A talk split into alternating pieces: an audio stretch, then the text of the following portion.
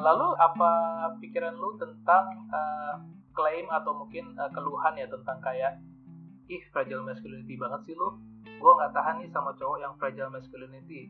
Nah menurut lu hmm. um, apa tentang tentang ini gitu? Dan dan apakah menurut lu ini memang suatu hal yang sering terjadi? Atau menurut lu sebenarnya biasa aja gitu?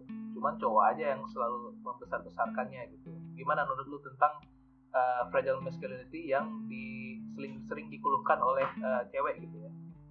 Menurutku itu malah jadi itu sih kayak sistem kontrol gue rasa.